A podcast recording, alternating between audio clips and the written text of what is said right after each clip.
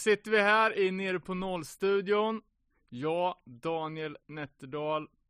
För att göra ett litet specialavsnitt och dagen till ära har jag med mig Douglas Nätterdal. Hallå, det är jag. Jag har ju försökt i det längsta att inte tvinga på mina barn den musik som jag gillar. Men när det finns gemensamma intressen så måste ju detta uppmuntras. Eh, så vi har snackat om att vi skulle göra ett avsnitt om vårt gemensamma favoritband The Clash. Som en sommarlovsaktivitet. Eh, och idag är det sista dagen på sommarlovet. Så det är nu det måste ske. Vanligtvis när vi gör specialpoddar så brukar problemet vara att det inte finns någon information. Vi har snöat in på något obskyrt jävla band som ingen känner till. Idag är det precis tvärtom. Eh, The Clash är väl, skulle jag säga, det största bandet som kan slängas in under epitetet punk.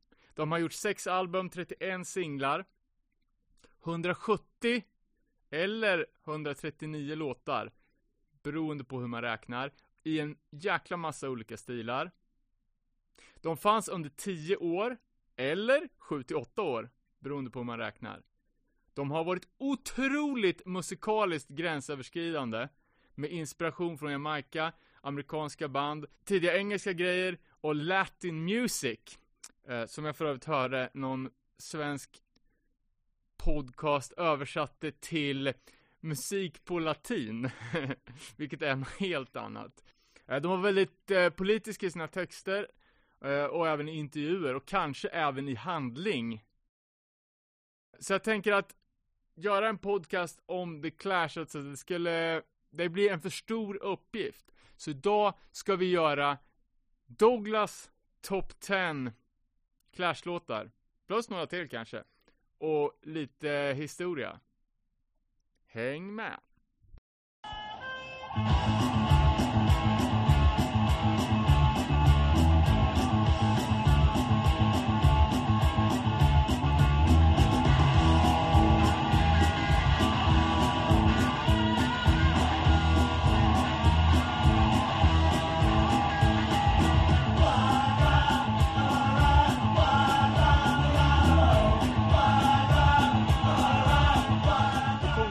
Clash från första början? Jag lyssnade på en podd Ja. som hette Så funkar det. Där de spelade upp låten Rock the Cashba från The Clash. Och det lät som jag sjöng Jag ringer från Närke.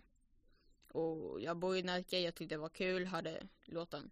Och det var nog egentligen första gången jag visste att det var bandet The Clash. I, nu i efterhand så känner jag igen låtar som jag hört när jag var liten, som du har spelat för mig. Eh, när jag var jätteliten eller ja.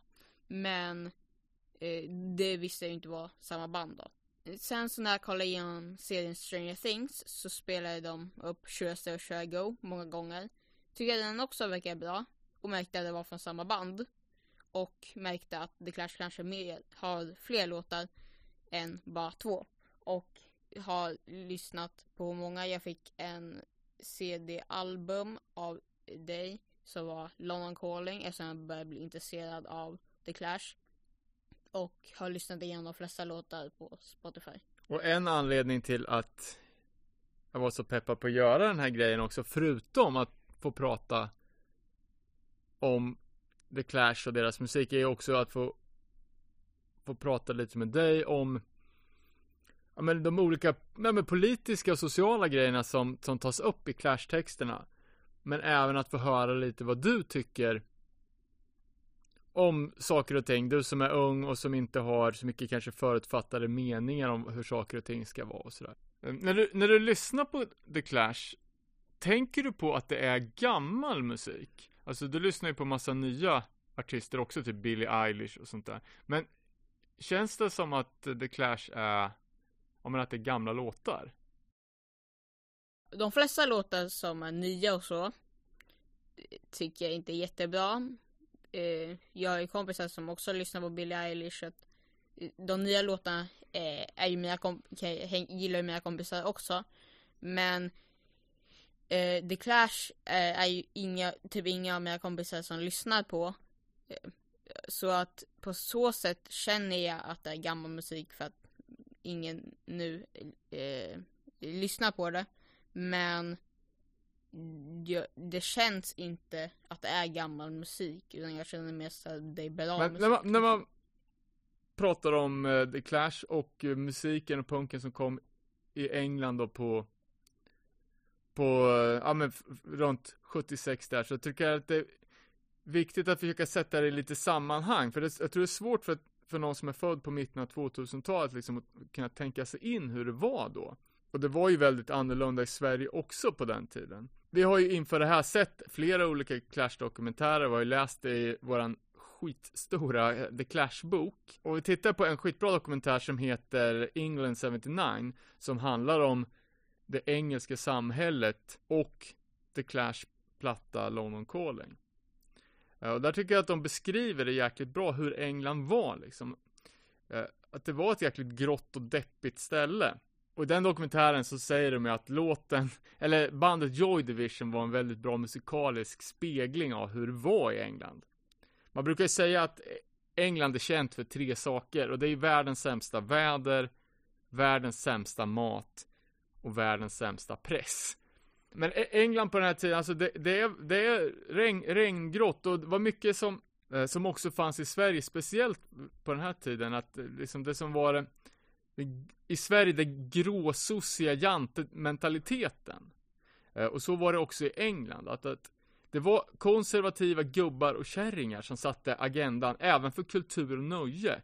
Vad som fick spelas på radio, vad som var okej att tycka och så här. Och det skulle vara lag och ordning och man skulle inte sticka ut och så här. Och samtidigt som England var, var lite på dekis, alltså de, de hade tappat sin, sin forna storhet. Eh, och kolonialismen hade fallit. Eh, de hade jättemycket arbetslöshet. Och som Sex Pistols sjöngs liksom "No- Future, att ungdomar hade, de hade inga, inga framtidsutsikter, utan det kändes som att i allra, allra bästa fall kunde man få ett skittråkigt, väldigt dåligt betalt jobb. Och det fanns inget vettigt att göra. Eh, och i den här eh, dokumentären om 1979 så var det ju också mycket med, med Thatchers välfärdsslakt och hur de stängde dagis för att återinföra hemmafrun. Och det gör ju då att om bara en vuxen i familjen jobbar så är det liksom den så kallade disponibla inkomsten blir ju bara hälften, så folk var väldigt fattiga också. Så samtidigt som, som samhället, alltså det var ganska hårt och rått, så var kulturen också eh, ganska, ganska speciell. De pratade om att det var tre saker som var populärt, liksom musik. Och då var det disco, det var proggrock och ABBA. Eh, har, har, vet du vilka ABBA är? Mm. Eh, jag vet, eh, jag har hört talas om bandet men jag har inte lyssnat på så speciellt mycket låtar, typ hört någon. Ja, nej, men det, det är ett svenskt band och de är, de är jättekända och de har så att säga, riktigt stora hitlåtar. Mm, Men det som jag tänkte på med, med de här tre sakerna som var populära, att disco, det var liksom, eh, ja men, det var väldigt för mycket förknippat med, det skulle vara lite lyxigt, det, fe, det skulle vara fester för vackra människor typ. Och proggrocken, det var ju, alltså, det var inte progg som i Sverige, den det här, den politiska musiken, utan det här var liksom progressiv rock, att det skulle vara svårt att spela, det var stora, liksom, jättes arenakonserter och David Bowie som var jättestor då, var ju liksom, hade jättekonstiga kläder, och var nästan utklädd som en, alltså som en, nästan som en gud. Alltså det blev så väldigt stort steg från publiken och artisten. Och sen då ABBA som gjorde liksom sådana hits som alla tyckte om och det var liksom musik för alla. Men det fanns ju jättemånga som inte var vackra och lyxiga. Eller som inte kunde spela svåra låtar eller kunde relatera till någon som var utklädd till en utomjording liksom. Och det var liksom all, alla de här människorna, de hade liksom ingenting att relatera till. Det fanns ingen musik som var, som var deras, som de kunde känna att det var nära ungdomarna. Eh, och samtidigt som att, alltså i England så har, de har väl fortfarande skoluniform, alla måste se likadana ut. Det fanns liksom inget utrymme riktigt för eget tänkande. Eller eget uttryck. Och jag tror att det, liksom, att folk var så jävla trötta på det här. Att de bara längtar efter någonting nytt. Någon som, som kunde bryta den här gråa, inrutade vardagen. Och det var just här punken, att det, när den slog igenom, att det fick sån jäkla genomslag. Ungdomarna älskade det, men föräldrarna och samhället hatade det. Och det gjorde ju bara att ungarna gillade det ännu mer kanske. Eh, nu är det ju föräldrarna som lyssnar på punk och barnen som vill lyssna på, på något annat. Men så, så var det lite på, på den tiden. Uh, men, när, men när man säger punk, man kan ju inte prata om The Clash utan att och, om, prata om punken, för det var liksom därifrån de kom. Men om jag säger punk, vad, vad, vad, vad tänker du på? Hur, vad betyder det för dig? För mig så är det liksom en musikgenre som jag liksom gillar. Jag har hört den väldigt mycket sen jag var liten.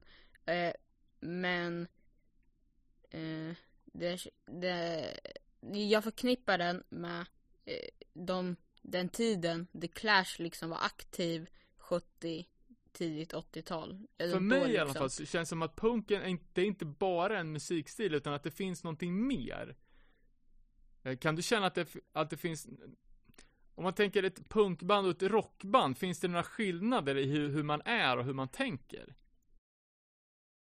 Eh, jag skulle tänka att, att eh, punk är liksom inte, det är inte lika eh, man, har, man behöver inte ha så hög budget utan det är liksom det är mycket lättare att spela för att alla kan liksom vara med på det.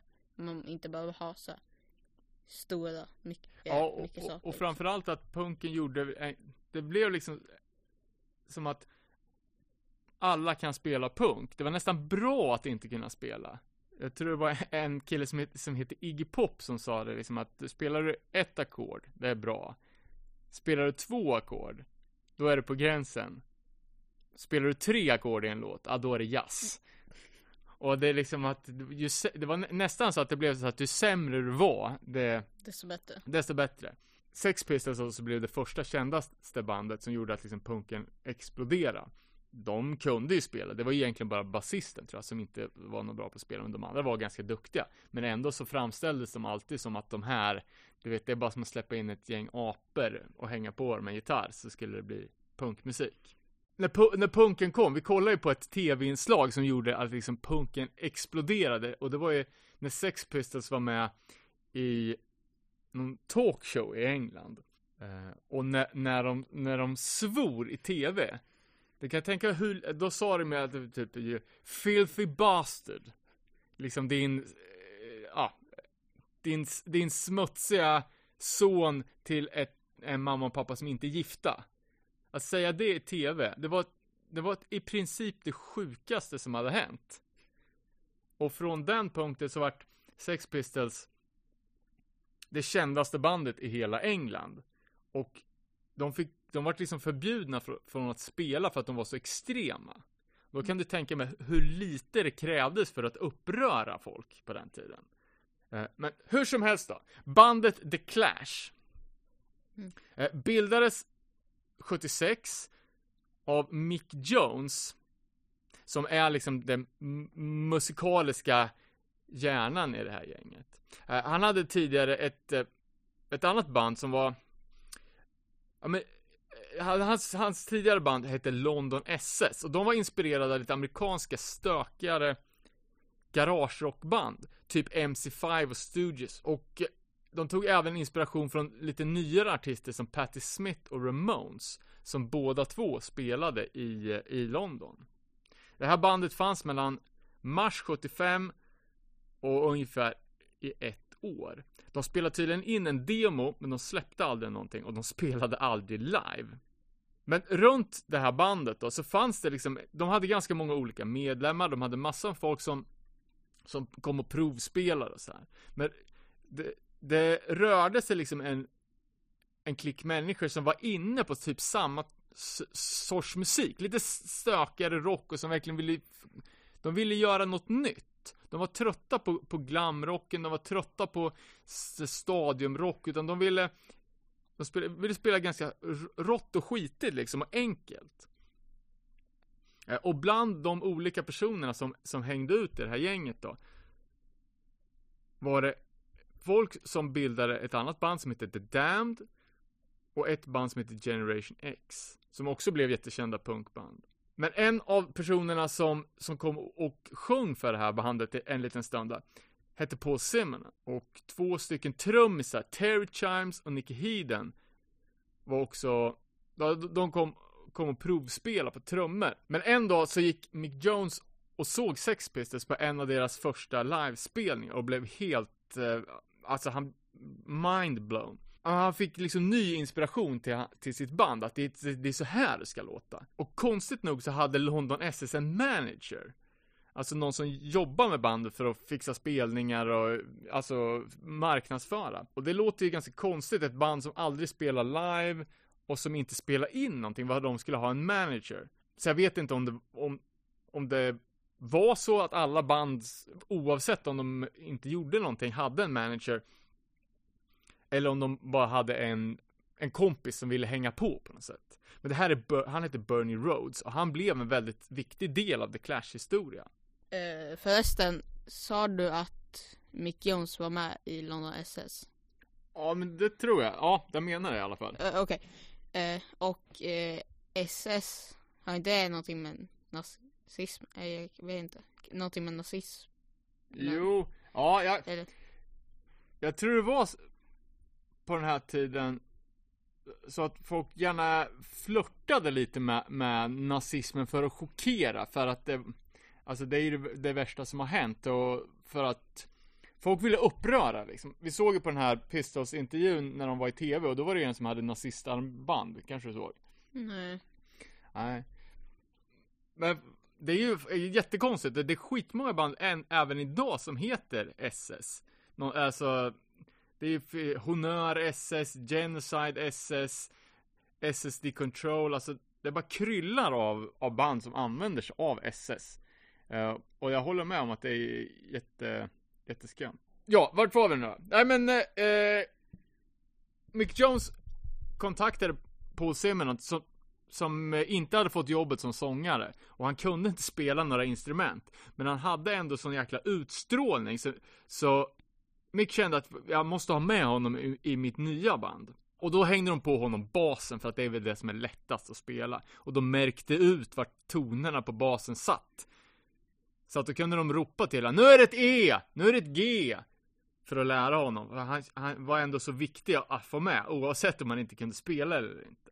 På trummor så tog de med en kille som hette Terry Chimes, som verkar ha varit lite halvintresserad av att vara med i det här bandet. Han var med och slutade och kom tillbaka ett par gånger. Och den första som de testade på sång hette Billy Watts. Det fanns ett annat band i stan eh, som hette One of Oneers och det var, jag vet inte, ganska flummigt band som hade sax och fiol och, ja, de, de bodde i ett, i ett ockuperat hus och de spelade ute på krogen nästan varje dag, typ för mat. Eh, och det var ett ganska välkänt band, men egentligen så var det bara sångaren som var, som var cool. Eh, och det var ju då Joe Strummer. Ja. Eh, och han kallade sig för Woody Meller på den här tiden. Strummer kom för att han liksom strummade. han, det var hans spelstil liksom på, på, på gitarren. Men den här Joe Strummer, han var, eh, han var lite, lite känd liksom i, i, eh, i Londons musiksväng för att han var, han var cool och bra, han var, var en bra frontman. Så, så Mick och Paul skickade iväg sin kompis Bernie då, för att fråga Joe Strummer om han ville vara med. Om han ville sluta i sitt gamla band och, och hänga på det här nya. Och då skulle han få två dagar på sig att bestämma sig. Men ganska snart så, så kom han tillbaka och sa liksom att jag, jag är på. Och efter att ha träffat killarna och, eh, och repat så kände han liksom att det här, det här är något helt nytt. Och tillsammans så blev de då The Clash. De testade lite andra namn innan. Weak Heart Drops och The Psychotic Negatives. Men bestämde sig sen för, för att ta namnet The Clash för att det var rakt och tydligt, enkelt och... Jag tror att det var, eh, Paul, jag är ganska säker på att det var Paul Simonen som kom på namnet The Clash.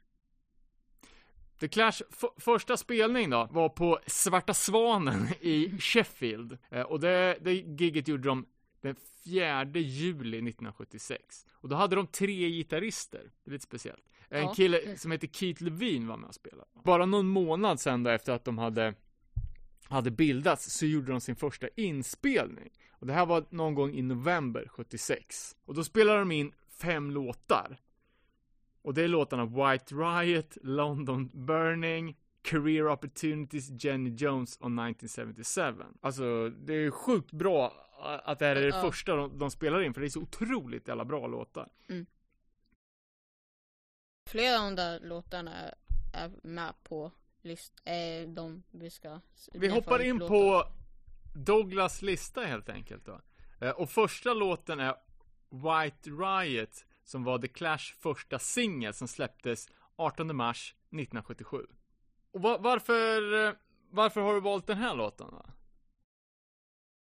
Man sjunger lätt med i refrängen.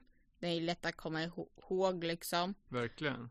Eh, det är en av deras första låtar och jag tycker att deras första album är mycket bättre än deras, speciellt deras fjärde album Sandinista som jag inte tycker jättemycket om men det har också väldigt många låtar Sandinista som det måste såklart vara fler som är dåliga. Den är bara generellt Ja.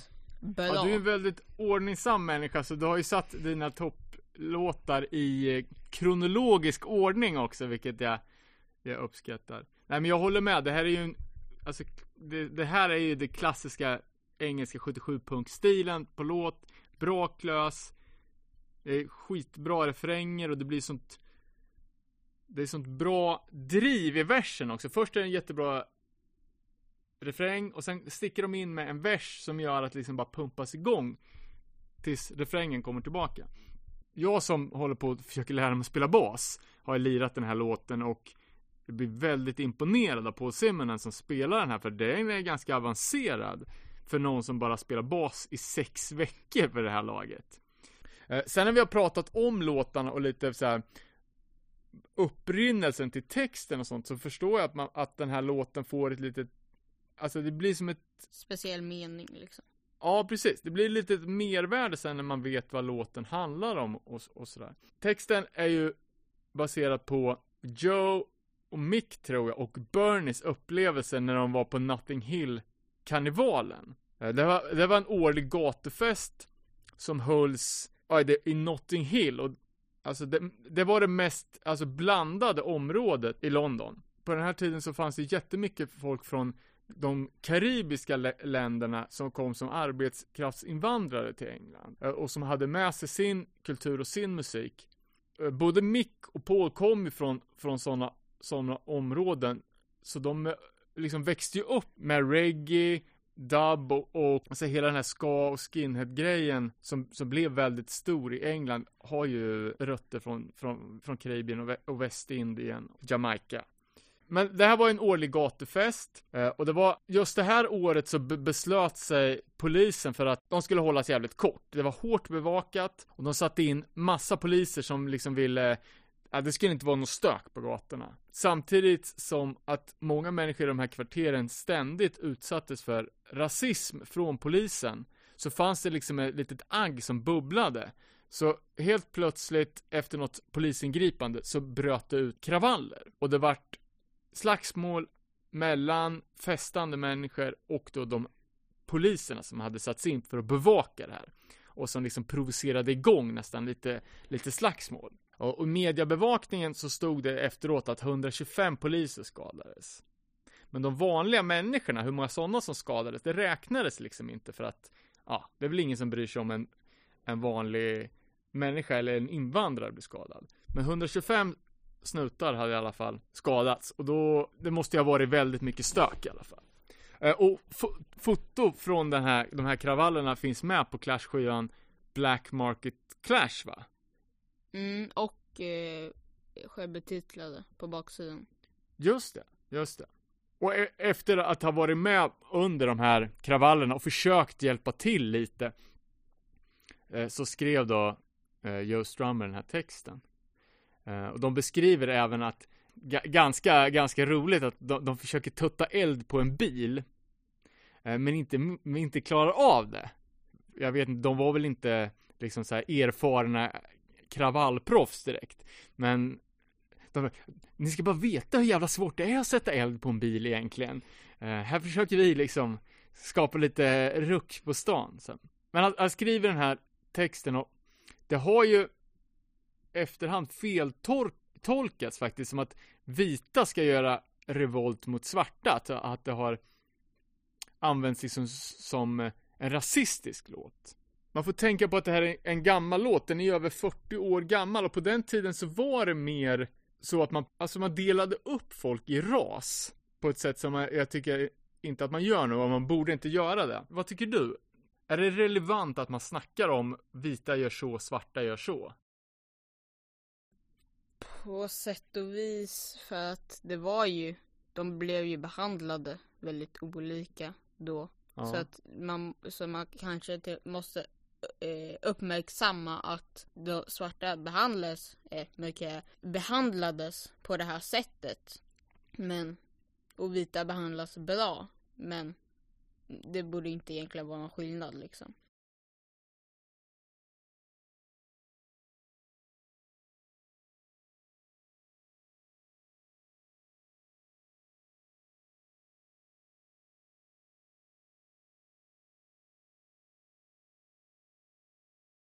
Career opportunities. Vad var det som gjorde att du satte med den här då på, på din lista? Det var för att ja, många låtar på deras första album är väldigt bra. Den är lätt att sjunga med till och man hänger med i låten liksom. Och sen så har jag liksom övat, jag har kört och spelat den och håller på att lära mig och så. För att jag tycker det är en bra låt. Det är svårt att säga varför just, men ja. Och den här låten handlar ju då, som titeln avslöjar, om arbetsmarknaden och career opportunities, alltså vilka möjligheter det finns till att få ett jobb. Hur tänker du som ung idag på att bli vuxen och skaffa, skaffa jobb liksom? Känns det som att man kan få ett roligt jobb? Ja. Alltså jag vill, jag gillar så här, forskning och sånt också. Så att jag vill så, så att jag skulle kunna ta ett forskningsjobb om det går att få liksom. Men annars nu, som inte fanns då, så ha, kan man ju sitta och spela spel med sina kompisar. Och ha, kanske ha tur med det, men för... Som ett yrke tänker Ja, youtuber. Eh, men jag ska inte ta det som ett yrke utan mer en hobby. Att, eh, så att men jag tror ändå att det skulle gå att få bra jobb nu för det känns som det är mycket typ större utbud. Ja, men det är väldigt viktigt att unga känner att det, att det är möjligt. För varför skulle man anstränga sig i skolan till exempel om du ändå vet att du inte kan få ett bra jobb? Eller få ett jobb överhuvudtaget? Nästa låt på listan då, Londons Burning. Jag eh, fick reda på i skolan att det var eh, bränder i London som brände ner hela staden eh, och tänkte att det handlade om det eh, på grund av titeln då. Och det här hände då år 1666. Jag tänker att eh, det är för djävulens nummer 666 för att liksom det var, det var ett helvete då, alltså allting brann ner. Men eh, nu när man när man fattar engelska eller ja, så, så inser jag att det inte alls det det handlar om utan det handlar ju om ja, annat. Ja, nej men jag, jag tror också att det är i, i titeln är det lite en referens till den här alltså hemska händelsen som alla Londonbor känner till. Eh, men ja, så refrängen går i Londons burning with boredom now. Och den handlar ju eh, liksom om att, ja men bristen på saker och ting att göra.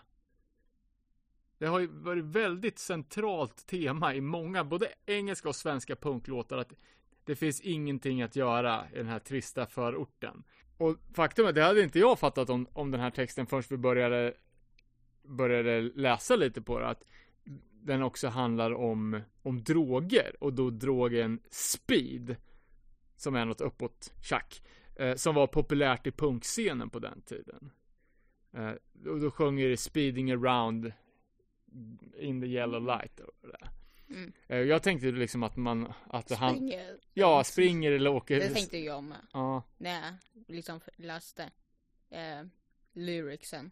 Men va, va, varför tror du att det var mycket droger i punkscenen på den tiden? Mm, det, jag vet inte, men det kanske har någonting att göra med att alla var uttråkade, alla ungdomar eller ja, sånt här. Var uttråkade just då och inte hade någonting att göra. Eller ja, inte, inte bara hade någonting att göra, men bara det fanns ingen framtid och så så. Men kanske var någon som, som, hit, som fick tag på någon drog och bara Ja det här, må det, det här får du att känna bättre bla bla bla och så så börjar folk använda. Men just inom punkscenen vet jag inte. Men generellt bland ungdomar tänker jag. Ja. Nej, för jag, jag, tr- jag tror lite att det kan ha varit extra mycket inom punken. För att det var väldigt mycket, jag skiter i attityd inom punken. Skit i allt. Och då är, ligger det väl ganska nära till hands att man inte bryr sig om att man gör farliga saker. Eh, Men om, om man snackar om eh, låten, alltså det är, det är en väldigt bra låt igen. Låten börjar ju med att han att Joe Strummer skriker ut London's burning. Vilket jag tror att man kom, äh, gör att man kommer in i låten direkt, eller mycket snabbare. Ja. Nej men det är, är en fantastisk låt. Den är så bra skriven för allt i låten är ju liksom hit om man säger. Först är skriket, precis som du sa, man kommer in i låten. Eh, och sen är det ju det väldigt tydliga riffet. Eh, och sen versen är ju, den är ju lite struttig på något sätt. Alltså, det är ganska, ganska nedtonat på gitarrgrejerna utan att det är det är liksom lite trummor och sång som driver låten. Det är precis så här som typ poppunkband idag skriver sina låtar, typ Green Day. Att man ska göra själva versen är egentligen bara en transportsträcka till sin, till sin jätte, jättebra refräng. Och då ska man göra versen så jävla lättlyssnad som möjligt. Och då blir det det. Man har inte liksom något, något tungt gitarr utan det är bara di, di, di, di, di, di, di. Och sen så är det Ja men den är lite, det är nästan som att han pratar in, in Sången. Ja. Ja. Och de här tre första låtarna som vi har snackat nu, nu var ju med på den första LPn. Eh, som släpptes i april 77. Inspelat väldigt snabbt. På, vissa säger tre veckor och andra säger bara på tre helger. Men skivan blev direkt en framgång. Den gick in på tolfte plats på, på albumlistan. Vilket eh, är jättebra för det var ju ett helt, ett helt nytt band. Första låten är Jenny Jones och den har vi också lyssnat jä- jäkligt mycket på. Eh, Kommer du ihåg vad jag tänker på? Borsta tänderna. jag använder den som, som en låt när jag, när jag borstar tänderna för den är två minuter lång. Ja, precis. Så den lyssnar vi på två gånger om dagen. Eh, och den låten handlar ju om liksom en knegare som drömmer om ett häftigare liv. Och den här Jenny Jones var ju någon, någon kändis som var, ja men hon var berömd för att hon hade ett utsvävande liv med, med vilda, vilda fester. Några andra låtar värda att nämna från den här plattan är ju I'm so bored with the USA.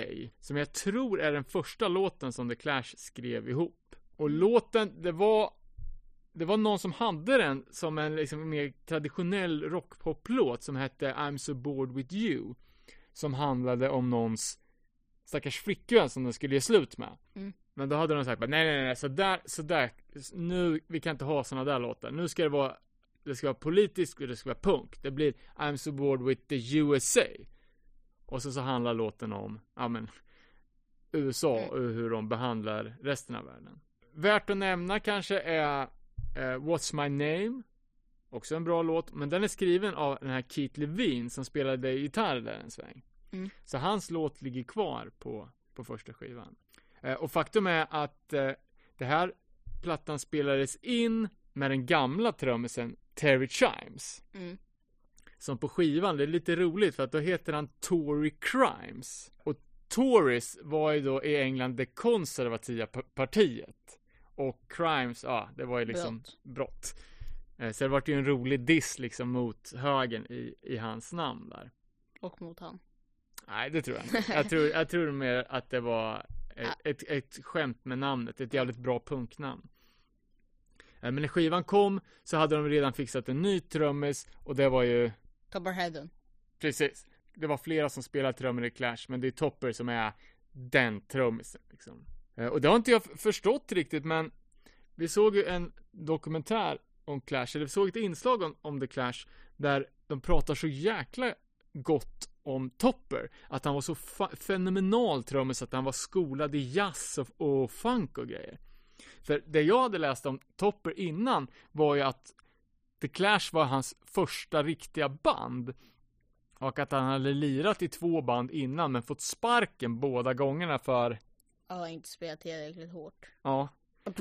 Men då kanske, kanske var då för att han, han var liksom mer jazztrummis. Eh, Och det verkar inte heller som att han var speciellt intresserad av att lira punk i början. Utan att han tog det här jobbet för att Clash hade ett skivkontrakt och att han kunde hoppa på ett riktigt seriöst band. Sen är det ju en låt på, på, på första skivan som sticker ut ganska mycket och det är ju Police and Thieves. För att den är väldigt lång. Ja, precis. Den är, den, är, den är väldigt lång för att vara en punklåt och det är en cover på en gammal reggae-hit från en snubbe som heter Lee Scratch Perry. Framför allt Paul Simonon kom ju från, från reggae-scenen och var väldigt influerad av den typen av musik. Så Lee Scratch Perry var ju liksom en, en idol till dem. Mm. Och även fast liksom de vita punkkidsen var inspirerade av svart musik så visste de ju inte riktigt vad han, Lee Scratch Perry, skulle tycka om att några ungar liksom gjorde cover på hans låt i någon Mm. sorts punktappning. Men tydligen så gillar han den. Mm. Han var med sen när, när Clash skulle spela in en singel som heter Complete Control. Och då var Lee Scratch Perry med som, som producent. Den här låten är inte med på din lista, men jag tänker ändå att vi behöver ta upp den för att den är så viktig för The Clash. Mm. Eh, och det, det är inte låten i sig, utan det handlar ju, den här låten handlar ju om, liksom att, om att sälja ut kan man säga. Och det är nästan det, det värsta ett punkband kan göra. The Clash släppte sin första platta på CBS Records, som var liksom ett jättestort skivbolag. Och när de gjorde det så var det många som sa att det var då, det var den dagen punk dog. Punk fanns från, jag vet inte vet jag, april 76 till april 77. Sen gick allt åt helvete för att Clash signade på ett main, Ja. majorbolag. Eh, Sex Pistols, de tror jag signade på två majorbolag och lyckades få betalt av båda. Men det här hänger över The Clash hela tiden. Alltså, den här låten handlar ju om, om att då de ska vara under komplett kontroll från sitt skivbolag CBS. Alltså allting med punken handlar ju om att man vill göra, man ska göra det man vill. Man själv, ingen ska styra en, du bestämmer fan inte över mig. Men ligger man på ett stort skivbolag så är risken att skivbolaget kommer säga åt bandet att satsa på den här låten.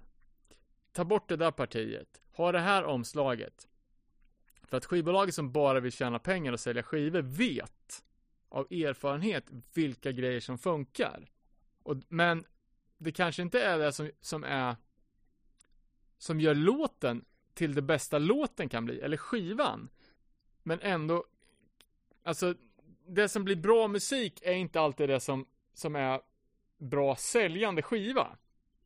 Och då blir liksom konflikten att man, man slutar göra sina bästa låtar och börjar göra sina bäst säljande låtar. Och det är ju verkligen liksom lite förbjudet inom punken. Tycker du att det är en konstig inställning?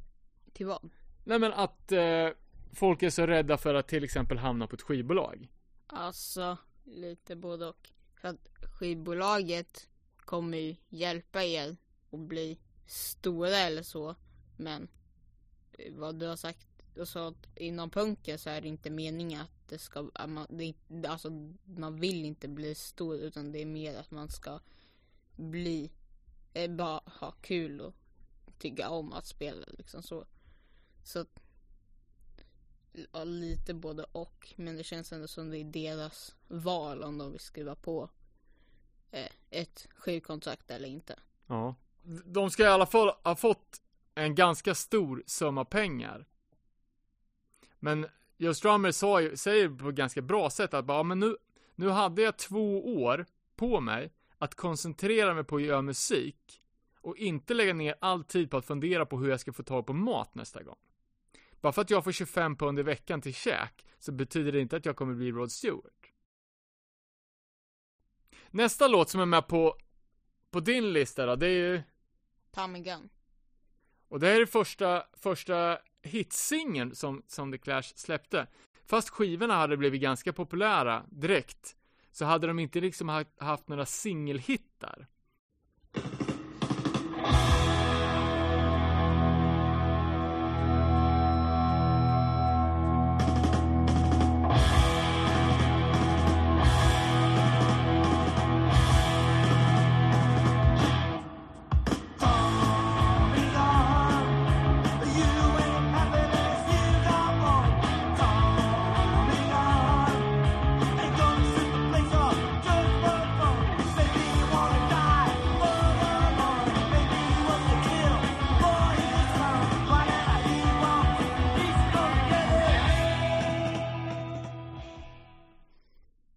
Det kanske är bra att säga att eh, det är inte med.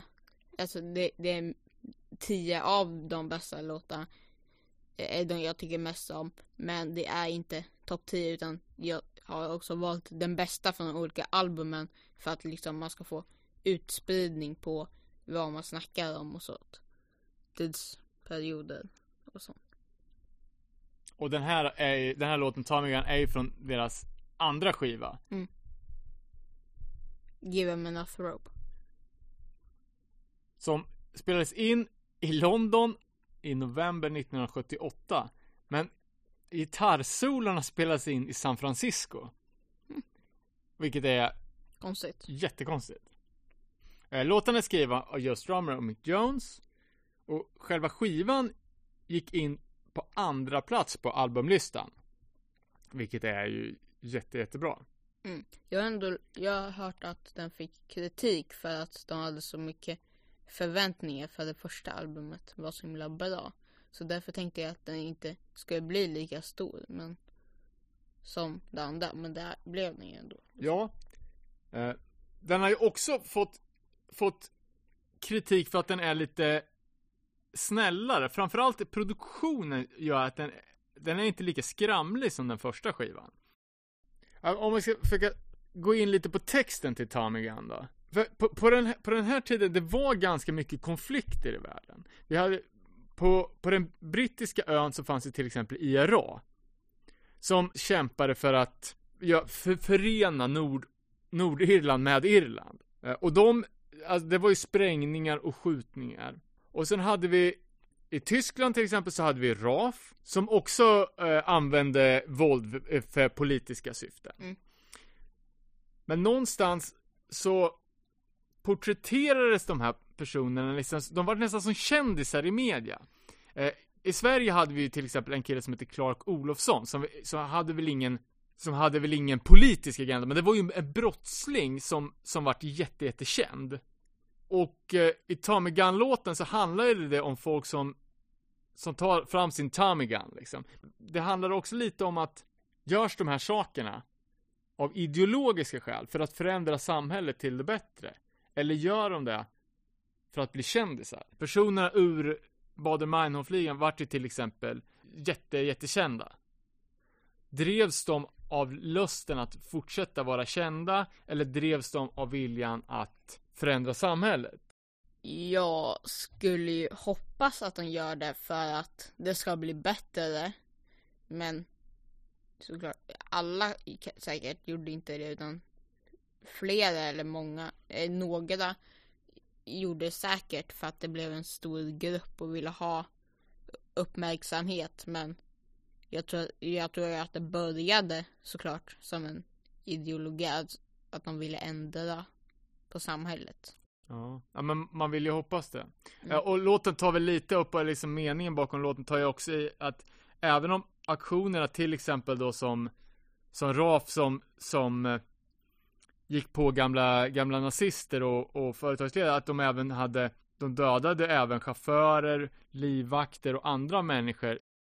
Man kan, ju, man kan ju tycka att det de gjorde var inte bra. Att döda folk, spränga saker, kidnappa folk. Det är ju såklart inte bra. Men man kan ju ändå tycka, eh, jag vet inte, jag är inte jättebra om vad som hände sen men att om de fick en ändring så det blev bättre så kanske inte var nödvändigt men det hjälpte fler människor. Tyvärr så tror jag faktiskt att det inte blev så mycket, mycket bättre. Mm. Sen på B-sidan har vi en jättekonstig låt och det är Ja, One, är. One Two Crush On You. Som, jag har hört den men jag vet inte riktigt. För är- som du sa, den är väldigt konstig. För att vara en Clash-låt. Absolut. Alltså den är väldigt annorlunda från andra The Clash-låtar. Men det känns som här liksom inte har samma typ av mening med låten som andra av deras låtar. Som till exempel Tom Gun som har en betydelse. Den här låten känns inte som den har så himla mycket betydelse liksom. Nej, ja, men det här låter precis som en sån här, typ Beatles-lik kärlekspoplåt. One, two, I got a crush on you. Det, Mm. Den känns nästan lite fjantig. Ja, Och jag vet inte om det behövdes för att liksom balansera den här ganska hårda och sen så här jättemeningstyngda Tamigan-låten. och sen jag en meningslös låt. Kanske, jag vet inte. De kanske ville eh, visa liksom, vi lägger vilka låtar vi vill på våra singlar.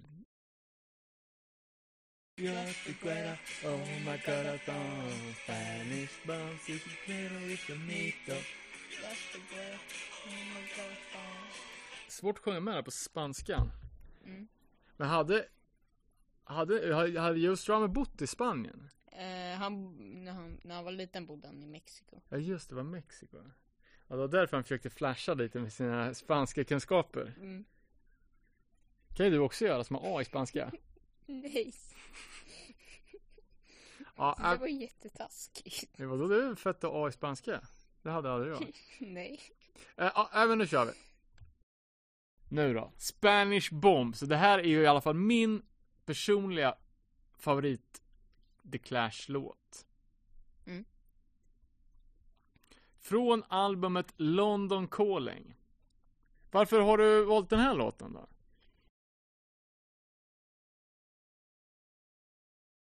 London Calling var ju det första albumet jag liksom fick. Och har hört igenom den flera gånger. Och jag skulle säga att den är mycket speciell men också just för att man den, den här, hör, den här behöver man inte läsa lyricsen så här och söka hur det var då utan man fattar liksom ganska mycket att vad den handlar om att det spanska inbördeskriget. Sen vet inte jag så mycket mer om vad det handlar om mer än det, det spanska inbördeskriget. Men den, den är bara, den är bra liksom. Det är en väldigt, det är en väldigt lugn låt. Ja, Men, eh, men du, du sa att, att låten handlade om spanska inbördeskriget. Hur, hur vet du det? Är, det- är, har jag sagt det? Eller har du förstått det när du har läst texten? lite allting. För jag har ju läst, för jag har ju läst texten. Spanish bombs, spanska bomber. Så, så innan jag visste att det var den låten. När, när du övade eller något sånt. Så sa du, du Spanish bombs det handlar om spanska inbördeskriget. Spanska inbördeskriget var väl att det var någon diktator som kom till makten. Jag kommer inte ihåg vad han heter just nu. Och sen så var det alla så kom det vänster eh, vänsterpersoner från hela landet, eh, hela Europa tror jag. Och var med och slogs mot han. Jag minns inte vad han heter just nu. Det Franco Loco eller något sånt? Jag är väldigt osäker på hans efternamn. Ja, jag, är jätte, jag är jättedåligt påläst om spanska inbördeskriget. Jag tycker det är väldigt intressant, men jag skulle nog behöva läsa, läsa någon bok om det igen. Mm. Eh, och då anslöt sig, som du sa, massa frivilliga Personer från hela Europa. för att slåss mot, mot fascismen. Eh, och det är också det som de sjunger liksom i, i texten. Uh, Trenches full of poets, the ragged army. Alltså att skyttegravarna var fulla av poeter. Och det var ju de frivilliga konstnärerna som hade anslutits. Och The Ragged Army var ju då att de inte, de hade inte, de hade inte en enhetlig, alltså de hade inte uniformer som, som en riktig armé. Utan alla var ju, eller många var ju frivilliga. Så då kom de ju med, med sina egna kläder. Mm. Så det är ju återigen liksom en låt som har så otroligt mycket politisk innebörd. Och det, bakgrund. Ja, visst. Mm. Sen uppföljningslåten efter den här är ju Lost in the Supermarket, som är Lillebror Londons favoritlåt. Ja. Det är, och det är också, Eller en av dem i alla fall. ja, och det är också en jätte, jättelugn låt. Och hela den här skivan, alltså det är ju väldigt stor skillnad mellan första Clash-skivan och den här. Mm. För mig så är The Clash ett punkband. Mm. Men vad ty tycker du, måste man spela en viss typ av musik för att vara ett punkband? Eftersom de började som ett punkband eh, och sen och spelade punk, ganska mycket punkmusik fram till ja, eh, Long Calling. Och de blev ju, det känns som de blev stora som ett punkband. De blev mer stora på deras två första album än Sandinista eller ja så. Känns det bara för mig i alla fall. Ja. Så jag ska, men när jag tänker på The Clash så tänker jag dem som ett punkband. Men ja exakt. Och jag tror att de flesta skulle göra det eftersom de blev, eftersom jag skulle säga att de blev störst under deras punktid liksom. Så jag skulle ändå säga att de är det. Och London Calling LPn kom ut 1979. Den skulle från början ha hetat The New Testament. Hmm. Alltså som Bibeln. Men Okej. de, jag tror de, de tyckte att det här var lite för, Religiöst eller? nej men för liksom typ som att jämföra sin skiva med Bibeln. Det är Ja. lite väl skrytigt. Ja. Eh, och någon historia säger ju att den är inspelad med micken från den kungliga operan som Joe Strummer snodde när han jobbade där som städare. Och jag vet inte om det här är någon sorts liksom, eh, Skalana eller något sånt. ja precis.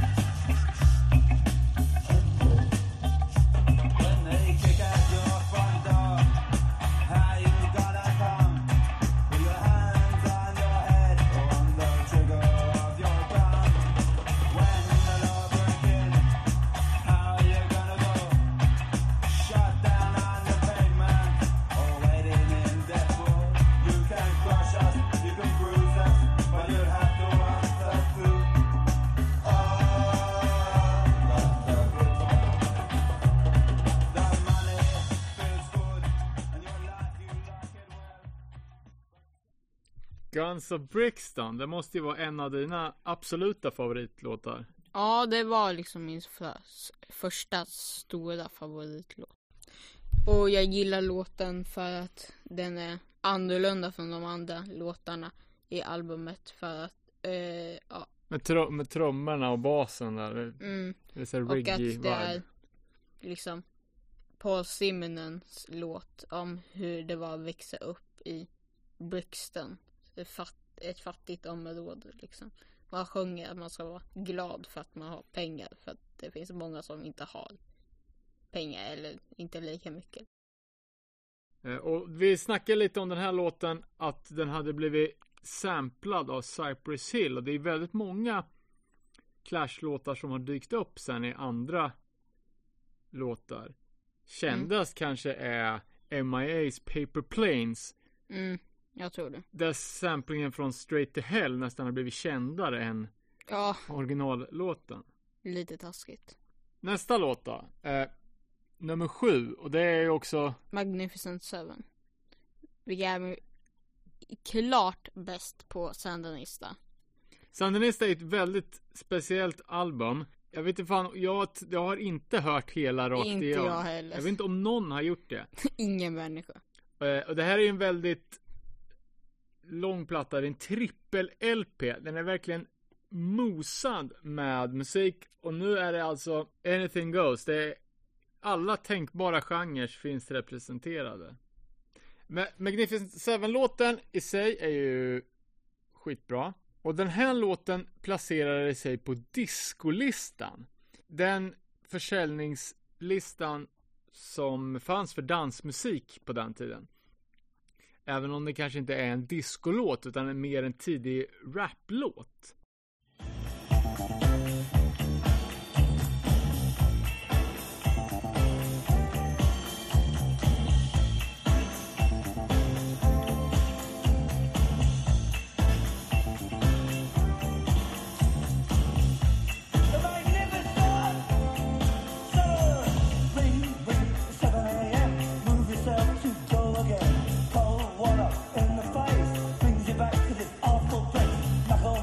Let's get up there and learn those rules. And the crazy chief. One says one says.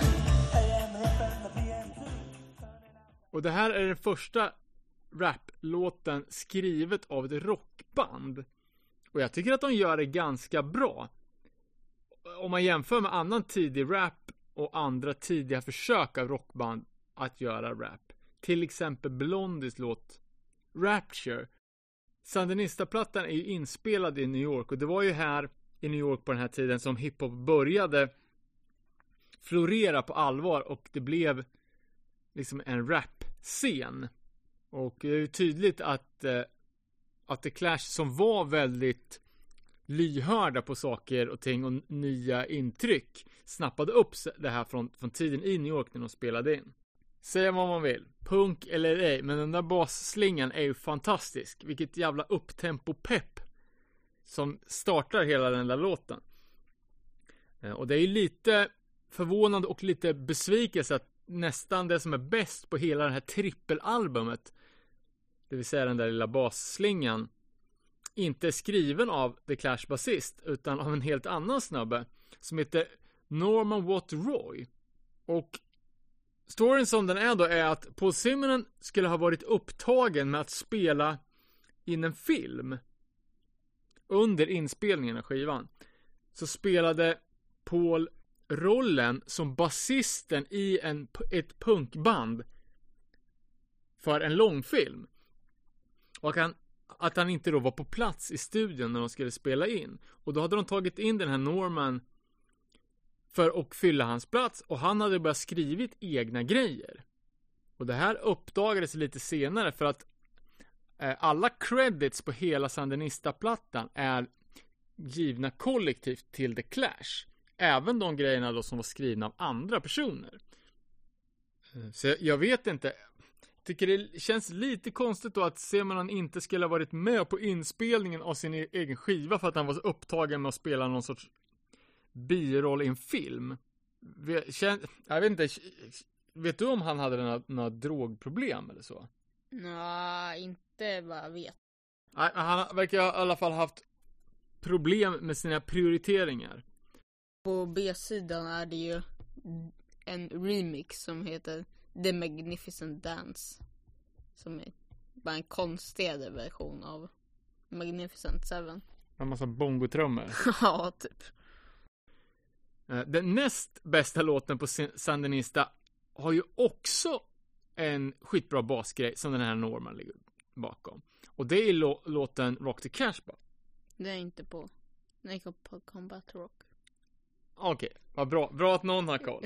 Eh, ja, men eh, eh, Cashbar då? Det var den första låten. Så han visste vad The Clash. Som liksom fick in mig till The Clash. Vilket gör att jag gillar den väldigt mycket. Den är också väldigt lätt att sjunga, i, sjunga med i, i refrängen. I versen inte jätt, lika mycket. Och den har en historia om Joe Strummer skrev låten efter att ha läst en nyhetsartikel om hur västerländsk rockmusik vart förbjudet att spela i Iran. Och det är ju ja, tungt politiskt, precis som, som vanligt med The Clash.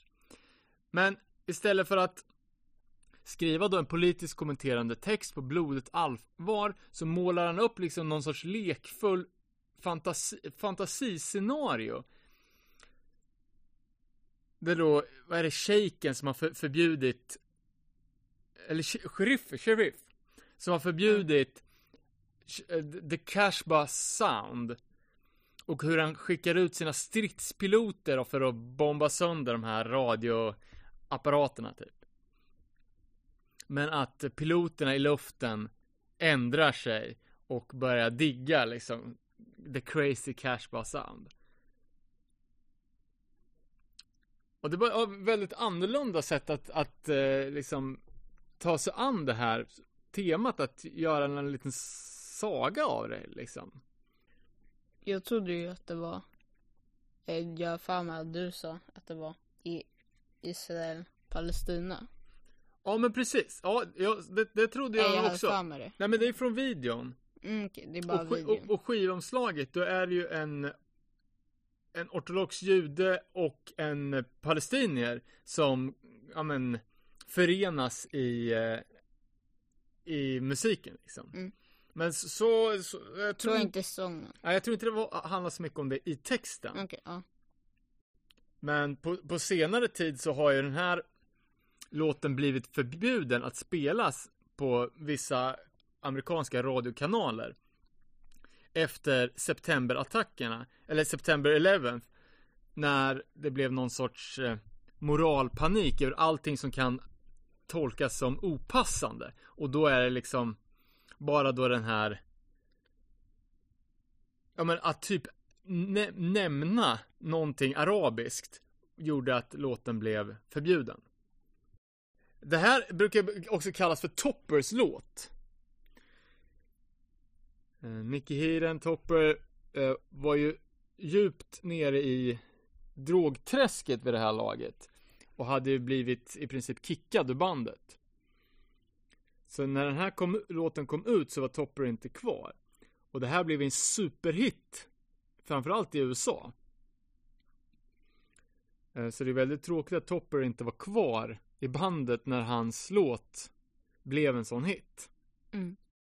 Just det, från Combat Rock-plattan sa det. Mm. Eh, och det var en nyhet för mig att eh, innan Combat Rock-skivan kom så fanns det en förlaga som skulle heta Rat Patrol from Fort Bragg. Eh, och det här var en helt egen skiva som spelades in innan Combat Rock. Och här har det bara visats på lite splittringar i bandet.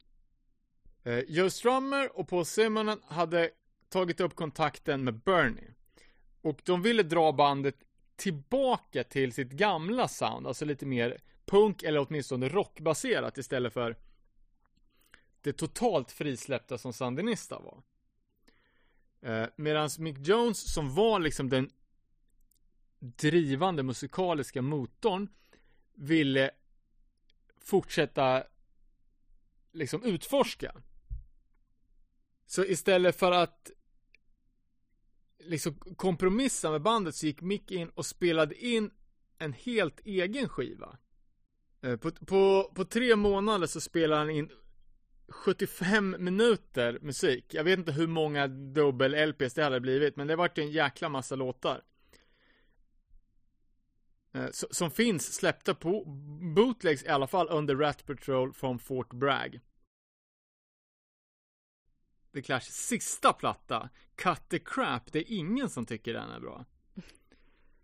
Eh, Men vi har i alla fall en låt med på din lista som jag också tycker är en riktigt bra låt och det är ju Eh, This is England som var bäst på den. helt klart, det var ju första låten som släpptes. Eh, Och hur såg det ut i bandet nu? Eh, Topper och Mick hade lämnat. Och det var Joe och Paul kvar och sen så tog de in massa personer och körde det här sista. Sista rycket, ja. Och, och This is England-låten släpptes ju som en första singel. Eh, och då var det nog ganska många som blev förvånade, som inte trodde att The Clash skulle kunna leverera utan sin, liksom, huvud huvudskrivare Mick Jones i bandet.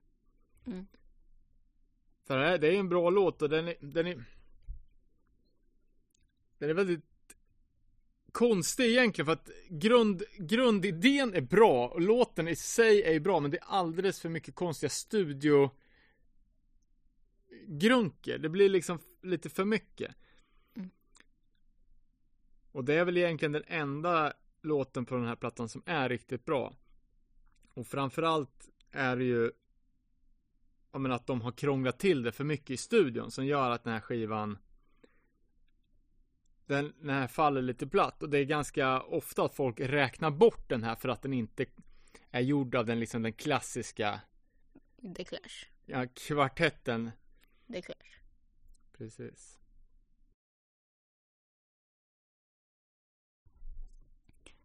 Eh, du sa att Should I Go var en cover. Ja, är den inte det?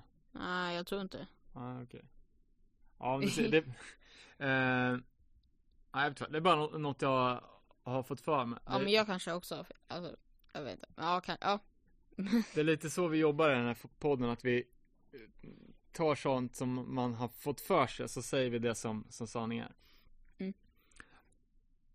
Ja, nej men då kanske vi är klara med det här Clash specialavsnittet, Douglas topp 10. Ja. Ehm, riktigt kul att få, få snacka med dig om det här fantastiska bandet och att vi har det ge- gemensamt. Mm. Ja, men då tackar vi alla som har lyssnat. Ja. Tack för att ni har lyssnat. Tack för att jag fick vara med. Lyssna på The Clash. Ja.